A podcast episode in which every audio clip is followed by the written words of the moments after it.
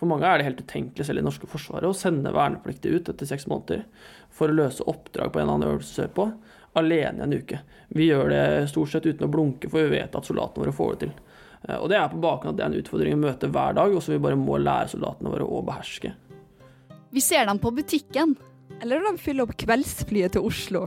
Kjørende i Forsvarets biler. En lørdagskveld i ny og ne så dominerer de også utelivet i Kirkenes i sivile klær. Bortsett fra de gangene vi hører smellene fra øvelsene deres, er det sjeldent bråk med de grønnkledde. De er en naturlig del av samfunnet, samtidig som de har et viktig oppdrag her i grenseland. Men hva er det egentlig de gjør her oppe, helt på grensa? Og hvorfor vil så mange tjenestegjøre akkurat her? Velkommen til podkasten Helt på grensa, en podkast laga av Barentssekretariatet. I denne episoden møter vi grensejegerne ved garnisonen i Sør-Varanger. Hallo. Hallo, hallo. Var det du vi skulle møte? Ja, det er Kjørgen. Hyggelig. Hei. Løytnant Lars Jørgen Fjelstad og sersjant Sebastian Arneberg jobber i Utdanningskompaniet på GSV. Vi har ta med sekkene også, så klart. Sekkene og utstyret på sleden, pluss uh, Gundersen og De har gitt oss tidenes julegave. Vi skal få bli med opp til observasjonstårnet på Korpfjell grensestasjon. Det tar ca. en time på scooter opp til Korpfjell, hvor vi skal møte de vernepliktige som er på oppdrag på vegne av politimesteren i Finnmark. Klar? Deres oppdrag er bl.a. å overvåke den 197,7 km lange grensa mellom Norge og Russland.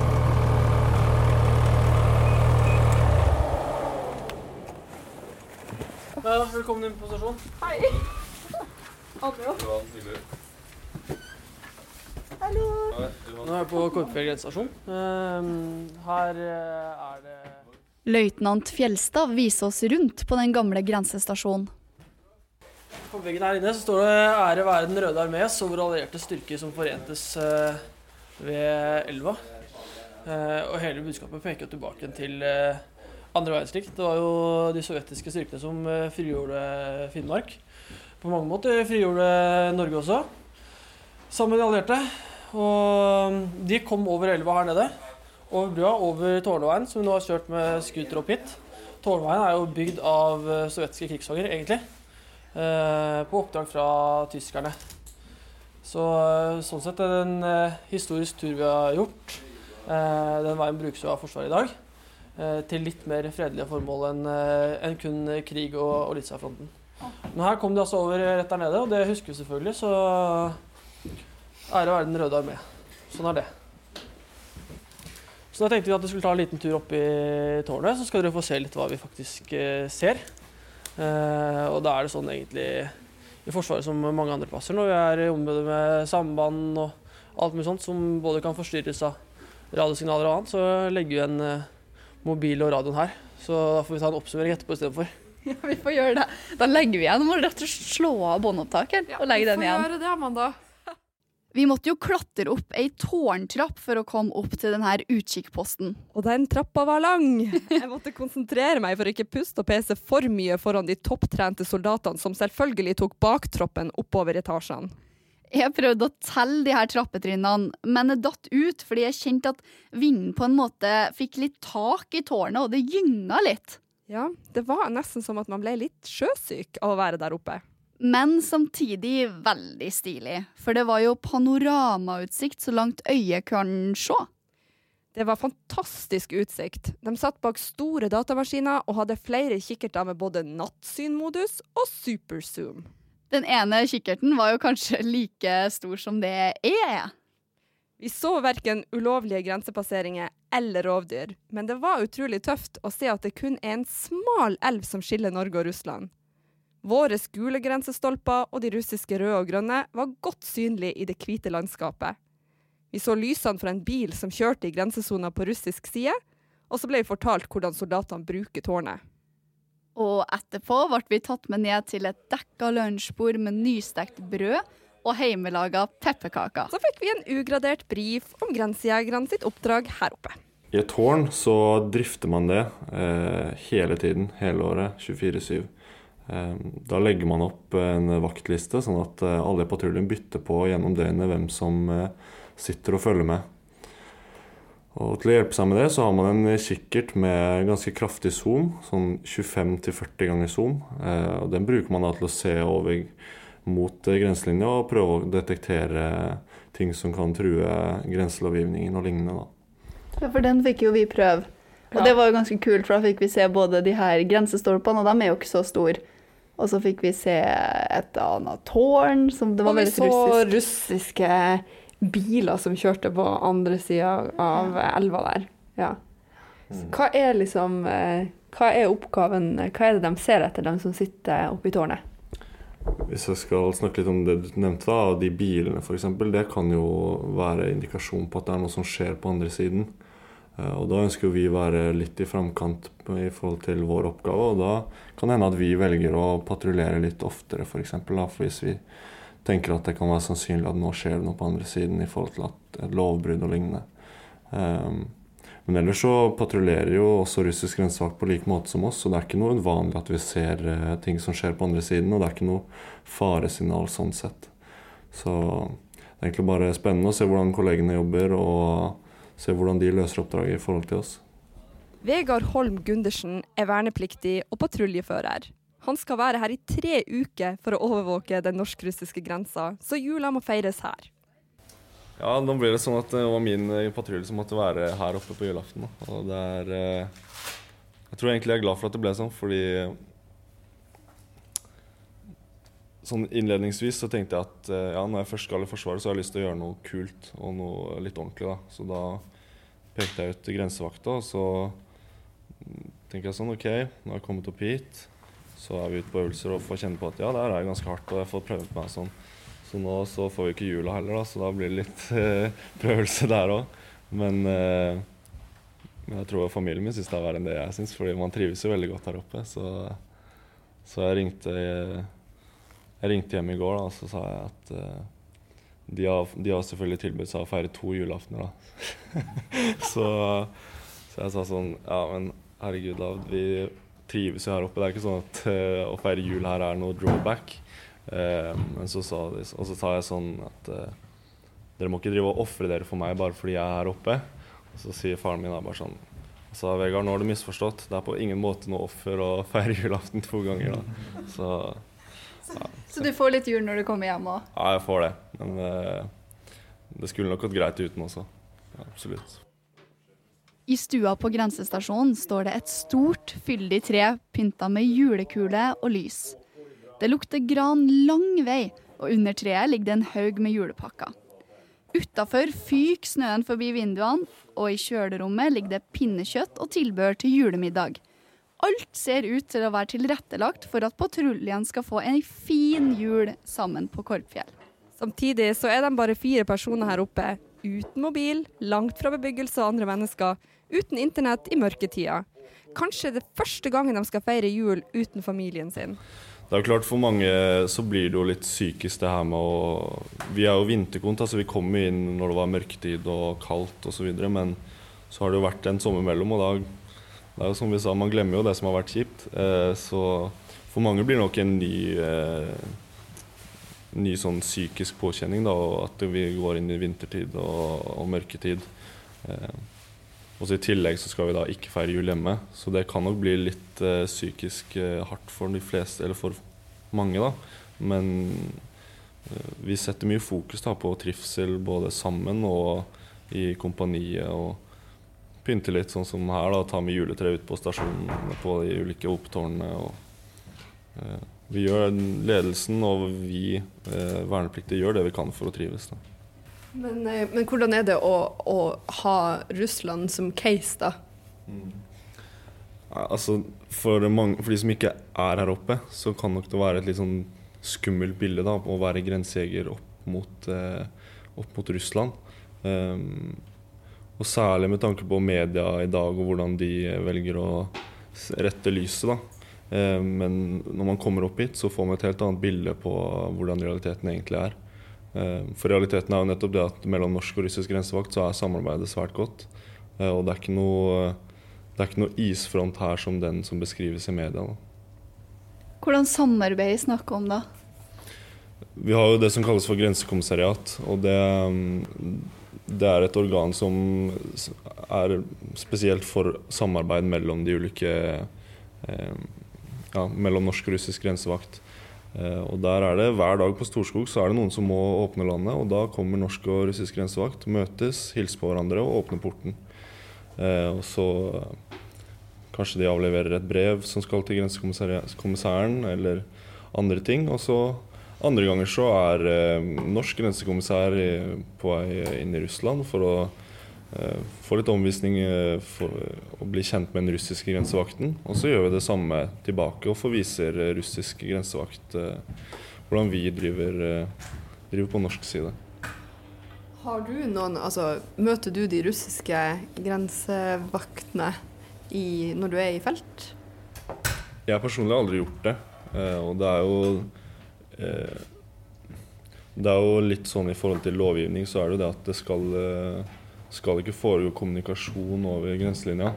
Men det skal jo sies at det er lov å være høflig og hilse. Men eh, som jeg sier, jeg personlig har ikke møtt noen, men jeg har, eh, jeg har sett russisk grensevakt. Men det er ikke noe sånn det er som jeg sier, da, Man blir ikke redd når man ser russisk grensevakt. Det er mer kult på en måte å se sine kollegaer på andre siden.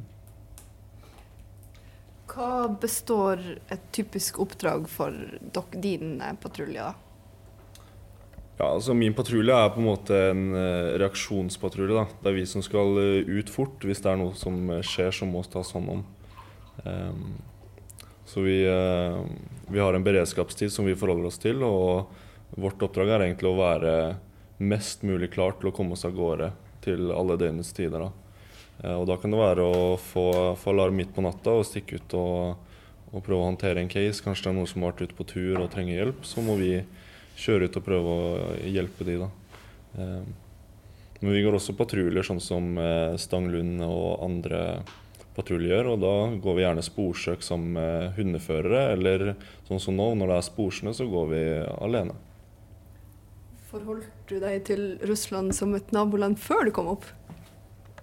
Ja, man vet jo på en måte hvilke land eh, Norge grenser til, men som østlending så er det liksom det er ikke det man tenker på mest. Og da har jeg nok eh, hadde jeg nok, ble jeg nok mer påvirket av eh, nasjonal media på en måte i forhold til mitt syn på Russland.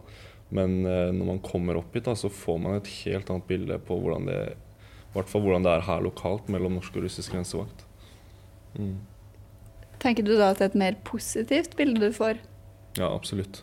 Det er klart, eh, liksom det storpolitiske spillet, det, det er jo selvfølgelig forskjell mellom det og eh, lokal eh, eh, Det lokale her, da, mellom norsk og russisk grensevakt. Men det er jo ting som skjer her, påvirker jo veldig mye.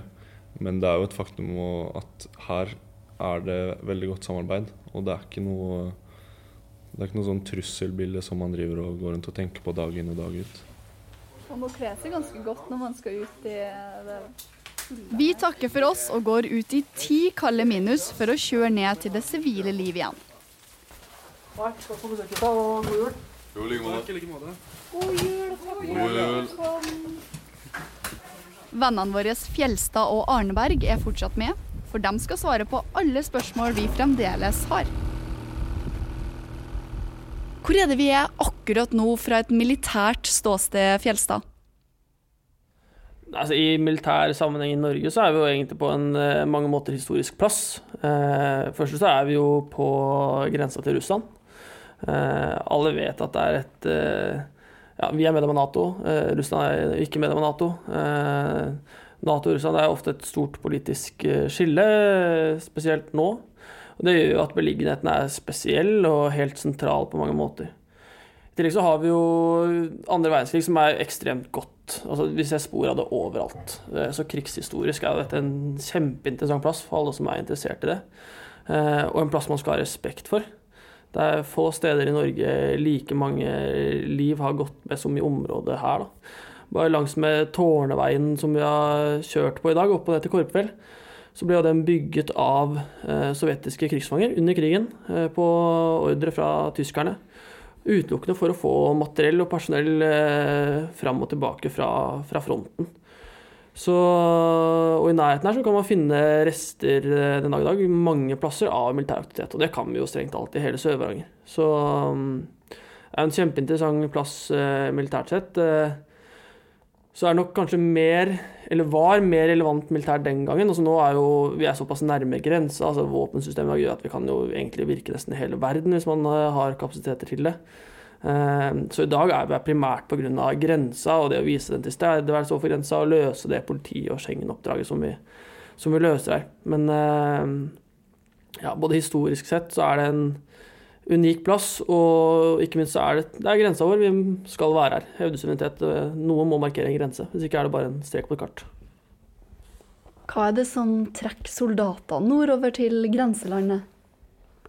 Det er kanskje ikke noen avdeling i eh, eller tjeneste som har et bedre rykte enn det å være grensejeger. Eh, Det har et kjempebra rykte av mange årsaker. Det viktigste er kanskje det oppdraget vi løser. En annen ting er at vi eh, skaper selvstendige, robuste soldater. Jeg tror det å leve alene ute på grensa over en lengre periode med tre-fire mann, det gir en helt unik ansvarsfølelse. Det er med på å bygge selvtillit, med på å bygge selvstendighet. Eh, og selv om det er noen år siden nå, så søkte jeg meg opp hit som soldat en gang i tiden, jeg òg. Det, det var jo mye av det. I tillegg så var det mye av de mulighetene Kirkenes er. Da. Så det er jo en eksotisk plass for eh, de som ikke har vært der før. Eh, det er grensa til Russland for oss østlendinger, ja. Og for meg som var interessert i jakt og fiske og friluftsliv, så har du kontrastene Pasvikdalen, Finnmarksvidda. så du har masse muligheter. Og en by som Kirkenes som kan gi i det tilbudet man egentlig trenger. Så jeg tror det gjør det veldig lett å velge GSV for mange, uansett hvor de skulle komme fra. Men Arneberg, Arne Berg, hvordan soldater er det dere ønsker å ha langs grensa?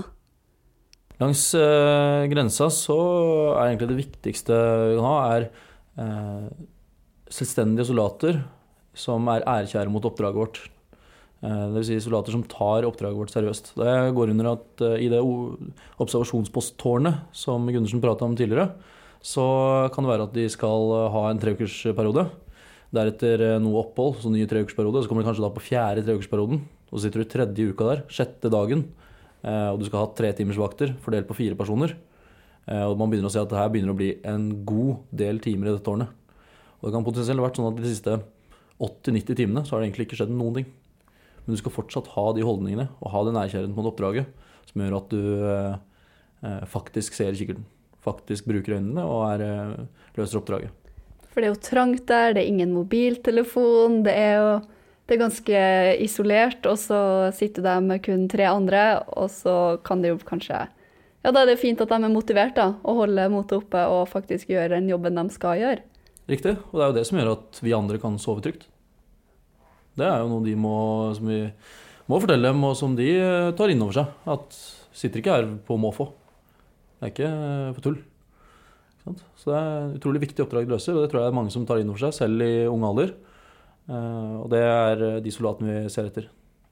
Seriøse, selvstendige soldater.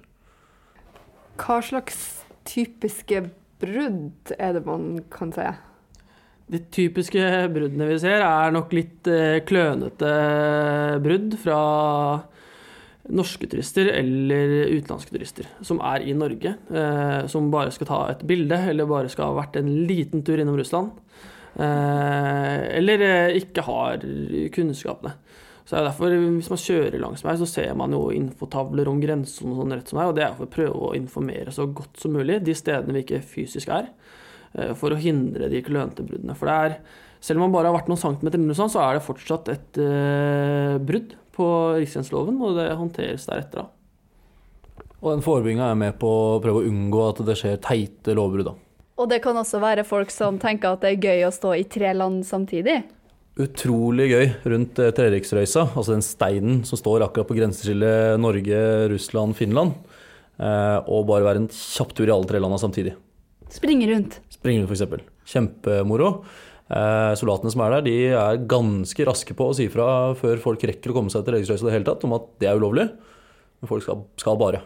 En liten kjapp tur. De sprekeste soldatene vi har, er jo kanskje de som er på OP-tårnet oppe ved, ved Grenseberg. For eh, så fort de ser noen ved parkeringen, så er det å ta med seg sekken og løpe opp på Trevstøysa. For da skal de være der og informere. For det er såpass eh, vanlig i Gåstein at det er, er brudd der oppe. Jeg har selv sittet i, i tårnet der som befal. Eh, sett at det er noen som nærmer seg grensa faretruende mye. Eh, dette var noen utenlandske turister, og hvor patruljen tok eh, forbindelse med de. Pratet med dem og informerte om lovgivningen. Det ble akseptert, og så sto vi og så på fra tårnet at så fort grensejegerne snudde ryggen til, så var det kjapt over Russland, ta et bilde og tilbake igjen. Så, så da, liksom, da, tror man at man slipper unna med det, så er det bildet så mye verdt. Men det er nok mange som angrer i ettertid, når de plutselig blir holdt igjen litt i Pasvikdalen fordi de må signere noen dokumenter. og det blir en klekkelig bot, og det er jo i det hele tatt veldig unødvendig, egentlig. Hva er boten på å krysse grensa sånn? Du, det varierer veldig, eller det varierer avhengig av hvor grovt overtrampet er. Altså Et brudd på utlendingsloven kan jo være at uh, hunden din under uh, elgjakta så krysser grensa etter en elg og er kjapt tur tilbake igjen.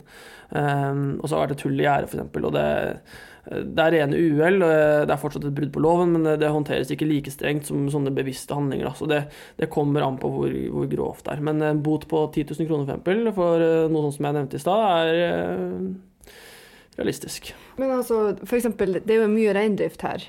Eh, hvis det er rein krysser grensa da, og du må hente den tilbake igjen, hva skjer da? Ja, det skjer jo hvert år. spesielt når det kommer mye snø, så er det, altså, da hopper reinen over gjerdet. og så er det i gang. Uh, og det er jo noe av problemet med å ha, ikke ha en grense sånn, sånn som vi har her. Uh, at det fort uh, skjer. Det er jo kjempeforskjell på norsk og russisk side når det gjelder grensesona. Det er det som skiller oss mest, egentlig. I Russland så har du grensegjerde, og du har en fysisk sone hvor ingen, eller i hvert fall svært få, beveger seg fritt. I Norge så har vi en policy på at alle kan egentlig bevege seg fritt, helt opp til grensa. Eh, og så er det vårt ansvar å informere så godt vi kan, så den grensa faktisk eh, forblir en, en grense. Um, og Derfor er det forebyggingsarbeidet så utrolig viktig. da. Så tenker jeg det er viktig at vi har en muligheten til å ha hytter langs med Pasvikelva, hytter i området grense Jakobselv. Kunne dra på jakt og bruke de fantastiske mulighetene som faktisk grenseområdet er. For det er jo noen naturen finner jo helt opp til, opp til grensa. Så gjelder det bare å være bevisste. Men det er klart det er en utfordring for oss at folk kan gå helt opp til de faktisk gjør et lovbrudd. Kan dere si noe om øvelsene deres? For jeg ser jo for meg at dere må jo øve litt på diverse ting eh, som soldater må kunne her eh, oppe. Og hvordan er det å være ute i felt på den måten? Det tror jeg er veldig eh, varierende fra person til person. Jeg kan si at en soldat på, eller en tropp på 60 personer, så kan jeg fort oppleve at jeg har én til to stykker som aldri har satt beina sine på ski før. Eller som aldri har sovet i telt før. Da er det bratt eh, læringskurve å komme til GSV i februar. Eh, og skulle etter tre uker ha sin første uke ute. Det er bratt. Så soldatene de kommer inn og har seks måneders eh, cirka, utdanning før de skal ut på grensa, sammen med Lars og meg. Og der har vi en, i hvert fall fem-seks uker med øvelse med dem. Og en del av det å være soldat ute er å klare å operere selv når man begynner å bli veldig sliten.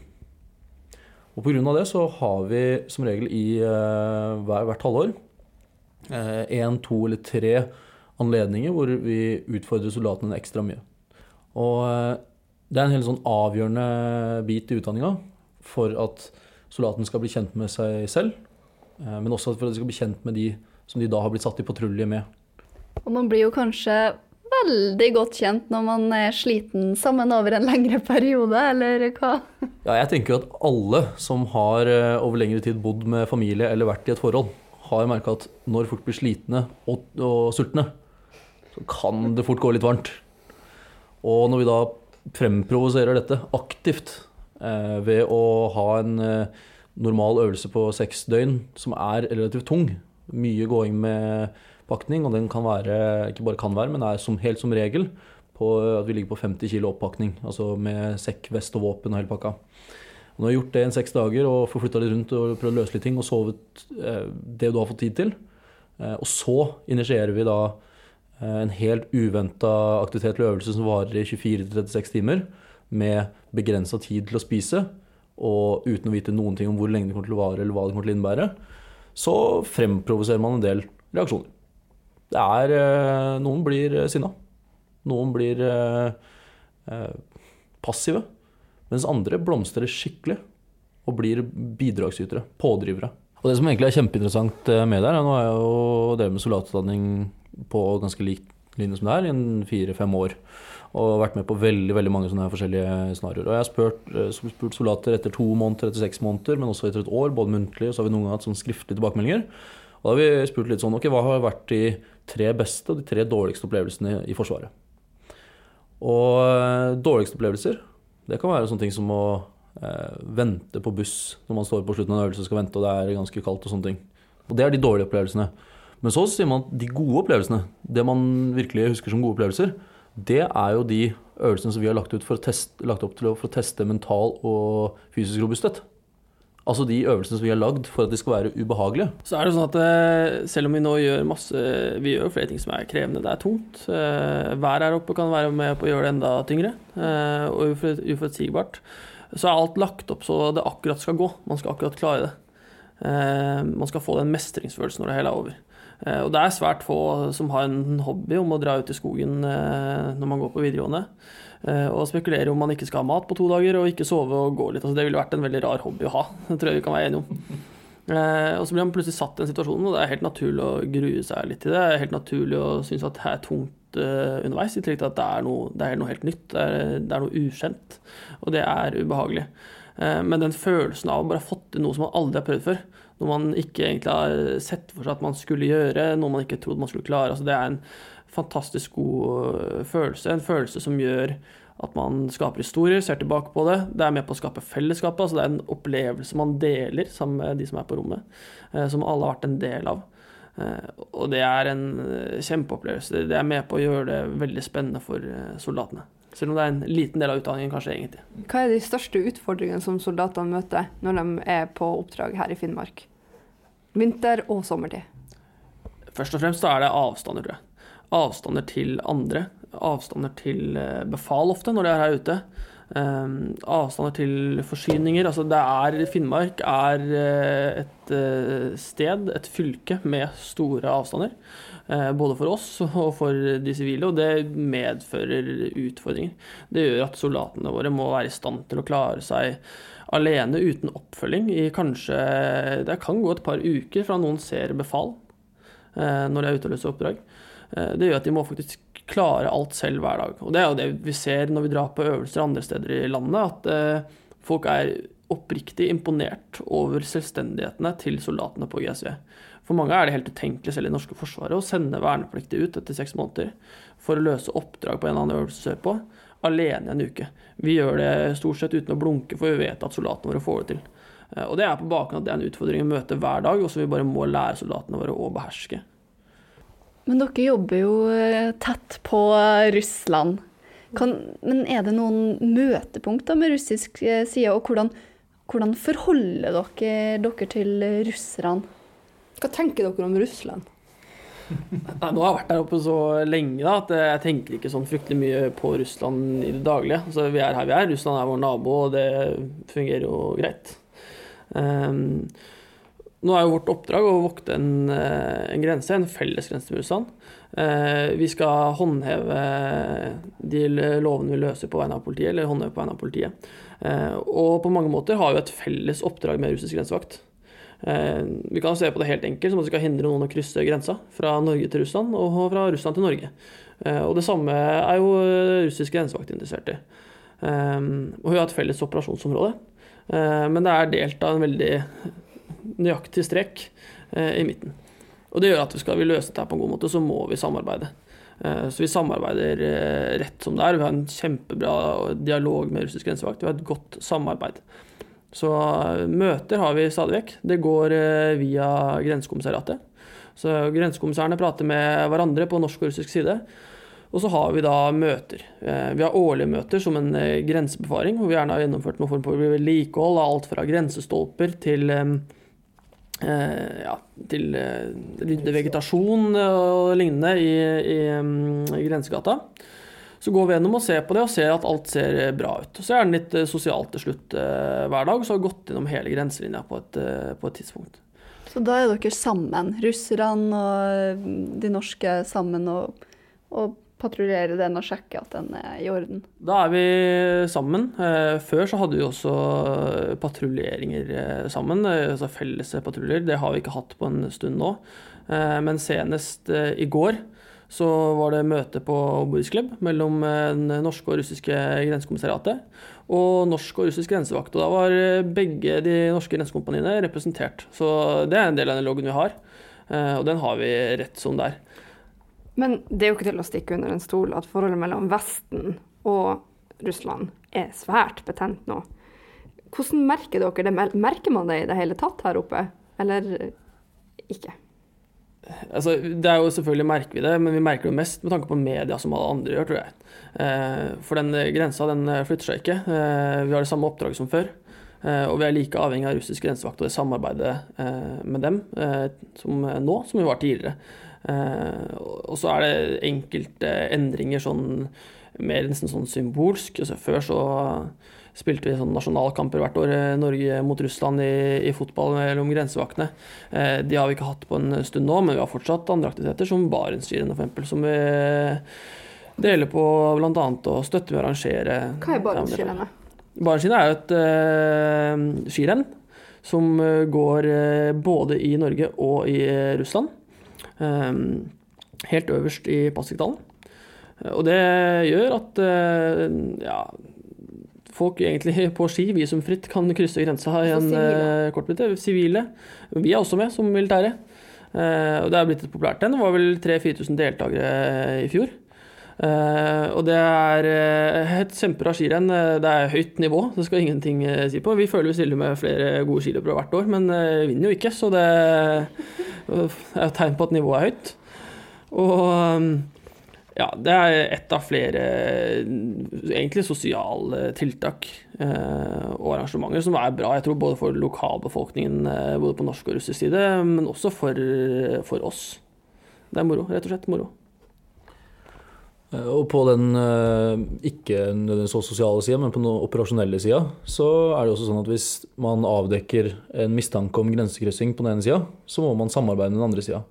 Og det kan innebære at eh, norsk patrulje kan finne spor hos oss og må da via grensekommissariatet prate med russisk grensevakt, og så må man jobbe sammen.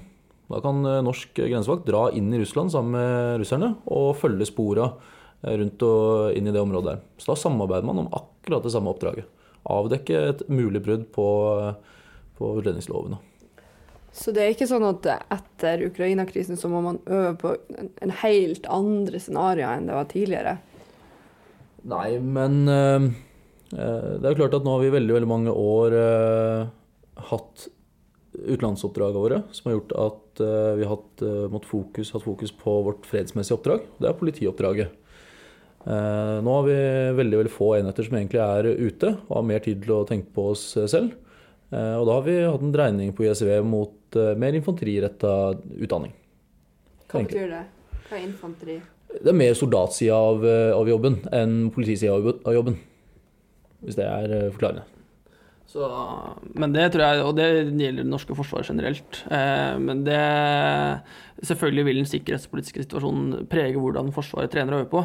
Samtidig som at eh, Forsvarets oppgave i Norge vil jo alltid være å være forberedt på en eh, konflikt. Og det er for sent å bli det den dagen det skjer.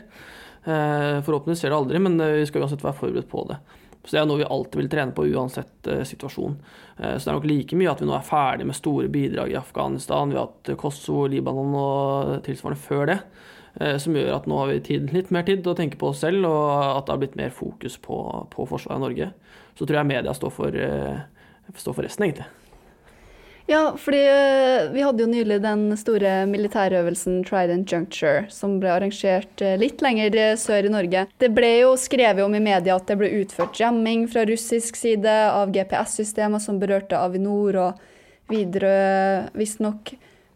Hvordan merka dere den øvelsen? Var det sånn at russerne reagerte på den øvelsen, som dere kunne se? Vi merka øvelsen i veldig liten grad. Sånn det er en stor øvelse. Den foregår jo veldig langt herfra. Vi må huske at det er jo egentlig en selvpålagt eh, restriksjon eh, som vi har på at vi ikke skal drive alliert trening i Øst-Finnmark. Eh, det gjør vi ikke av egentlig av respekt for Russland og grensa og sånn der. Vi har ikke noe behov for det heller. Og det er, det er veldig forventa at man øver. Noe annet ville vært veldig rart. Så vi har store øvelser, og Russland har store øvelser. Media slo opp stort om øvelse Zapad i fjor, f.eks. Da også ble det jo sagt noe om GPS-jamming og, og, sånne type ting. Hva er, hva er jamming? Jamming er en form for uh, elektromagnetisk krigføring. Elektronisk krigføring. Eller kan være en form for elektronisk krigføring. Hva betyr det? Uh, det betyr at man f.eks. kan sende ut masse signaler på et frekvensområde som jammer fienden sammen. Så det gjør at fienden sammen ikke fungerer. Eller sånn som nå i dette tilfellet, at GPS-signalene ikke blir så bra. Uh, og nøyaktig hva som var årsaken til at det skjedde akkurat nå, det tør ikke jeg svare på.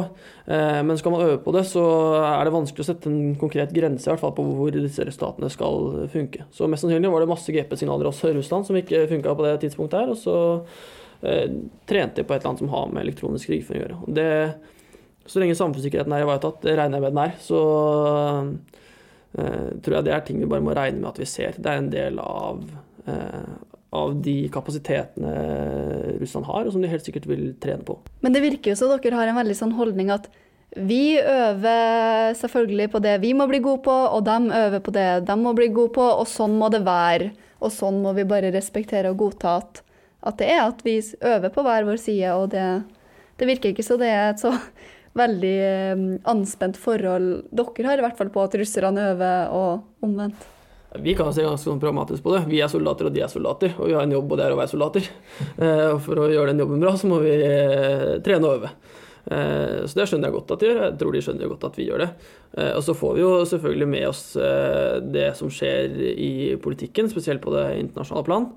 Og det er klart at det er en spennende og langt mer anspent situasjon vi er i nå enn før. Det er jo ikke vits å legge skjul på det. Men for hva vi gjør her, Eh, så har det ikke så egentlig liten betydning. Så vi må trene og øve på lik linje som vi gjorde før.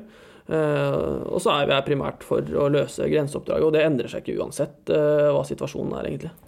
Det har jo vært mye snakk i media som du sa, liksom, om at det er rusta opp på russisk side, de er blitt så mye mer moderne og sånt. Men kan det egentlig også bety at det er tryggere enn det var før? Ja, kanskje. Uh, det som i hvert fall er eh, sikkert, er at det er sunt å ha en viss form for eh, maktbalanse. Jeg tror ikke det er sunt å ha en verden hvor det er én makt som er vanvittig mye større enn alle andre. Eh, og når noen, et eller annet ruster opp, vil andre ruste opp. Og det er jo sånn den maktbalansen egentlig fungerer. så så lenge den er ivaretatt, kan det være sunt. Hvor balansen akkurat går, det får noen andre svare på. Selv om mer våpen aldri utelukkende er noe positivt tegn. Det tror jeg alle er enige om. Da begynner vi å nærme oss eh, slutten på dette intervjuet. Jeg syns det har vært fryktelig spennende å få være sammen med dere i dag og få bli med opp til tårnet. Og ikke minst den samtalen som vi har hatt her nå. Men kanskje vi må spørre en, en sånn siste ting. Hva mm. tenker du, Anja? Ja, jeg tenker at det er i hvert fall er interessant å høre på når dere da ser tilbake på tida i Finnmark, la oss si at dere sitter her som en 80 år gammel mann eh, lenger sør i landet og tenker på tida her oppe, hva er det sterkeste inntrykket, eller hva er det dere kommer til å sitte tilbake med? Jeg tror først og fremst det er eh, naturopplevelsene i Finnmark. Så masse inntrykk fra det å være ute og løse en jobb i alle mulige temperaturer, alle mulige vær. Eh, kontrastene mellom eh, stiv kuling og 30 minus til 20 eh, plussgrader og masse mygg. Det er definitivt noe jeg kommer til å ta med og huske. Samtidig som det miljøet vi har oppe, et fantastisk godt arbeidsmiljø ved, ved GCV, som jeg kommer til å definitivt savne den dagen jeg ikke jobber her lenger. Ja, og For min del så skal jeg trekke fram ett minne som er av den måte, utfordrende sorten, og et minne som er av den skikkelig gode sorten. Da. Og det ene minnet er fra da jeg selv var lagfører her på GSV, og vi var på vinterøvelse. Uh, og det har vært strålende sol, og jeg har en soldat som har blitt snøblind. Jeg har da med meg elleve soldater pluss meg selv. Vi går alle sammen på ski. Vi har på oss storsekk og vest og alt sammen, så vi ligger på som jeg har sagt tidligere, rundt 50 kg oppakning. Eh, det begynner å bli natt og kveld, og soldaten ser egentlig ingenting. Han er da for alle praktiske formål blind. Eh, Vi beveger oss opp i fjellet og er på et område som vi ikke klarer å komme oss ut av. Eh, Vi må bevege oss. Eh, Og vi har tatt en, en kjapp pause for å få samla troppen på, et, på kanten av et vann. Dyprest vinter, ordentlig vinter.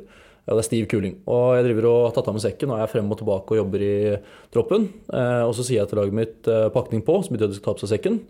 Og det innebærer også at når de har gjort det, så sier de helt, helt når bakerst har klart det, så sier han klar. Så hører jeg bakfra at det kommer sånn gradvis høyere. Klar, klar, klar, klar, klar, klar. Og av en eller annen grunn så går lyden skikkelig ned på den ene personen. Så jeg snur meg, og så ser jeg bak meg, og så ser jeg alle sammen stå klare til å gå. Bortsett fra han ene soldaten som står 180 grader feil vei. For han ser jo ingenting, så han har ikke fått med seg hvilken vei vi skal gå. Og det blåser stiv kuling, det er midt på natta, vi er på døgn syv. eh, Og meg og troppssjef står og ser på hverandre og bare har et sånn skikkelig sånn surrealistisk øyeblikk hvor vi er ganske seriøse, og så bare bryter vi ut i latter begge to. Og så bare må vi få snudd han rundt, og så må han bli med. For vi har et par timer igjen til igjen vi må gå, før vi faktisk kan gjøre noe med det. Det er noe jeg kommer til garantert. På den andre siden så er det nå i sommer, hvor jeg for første gang bada i Finnmark og faktisk eh, trivdes i vannet. Hvor det plutselig var 30-31 grader og vi kunne bade like ved, like ved Bjørnevann, ved stupetårnet her i Kirkenes. Eh, og kunne ligge i vannet og ligge og prate og slappe av. Ja, for det var en fantastisk fin sommer. Ja, det var eh, en nydelig sommer når vi kom på slutten av juli der. Men med sommer så kommer det mygg og Ja, og den er nådeløs, altså, den myggen. Den prøver jeg garantert å holde meg unna, men heldigvis er myggen her oppe så stor da, at når den setter seg på armen, så merker du at armen blir tyngre. Så du klarer å ta den. Det er når du sover at det faktisk er et problem. Nei, myggen her er eh, når det virkelig står på. Ja, det er et problem, men, eh, men eh, det, det går. Du har hørt på podkasten Helt på grensa. Abonner og få med deg flere historier om livet i grenseland.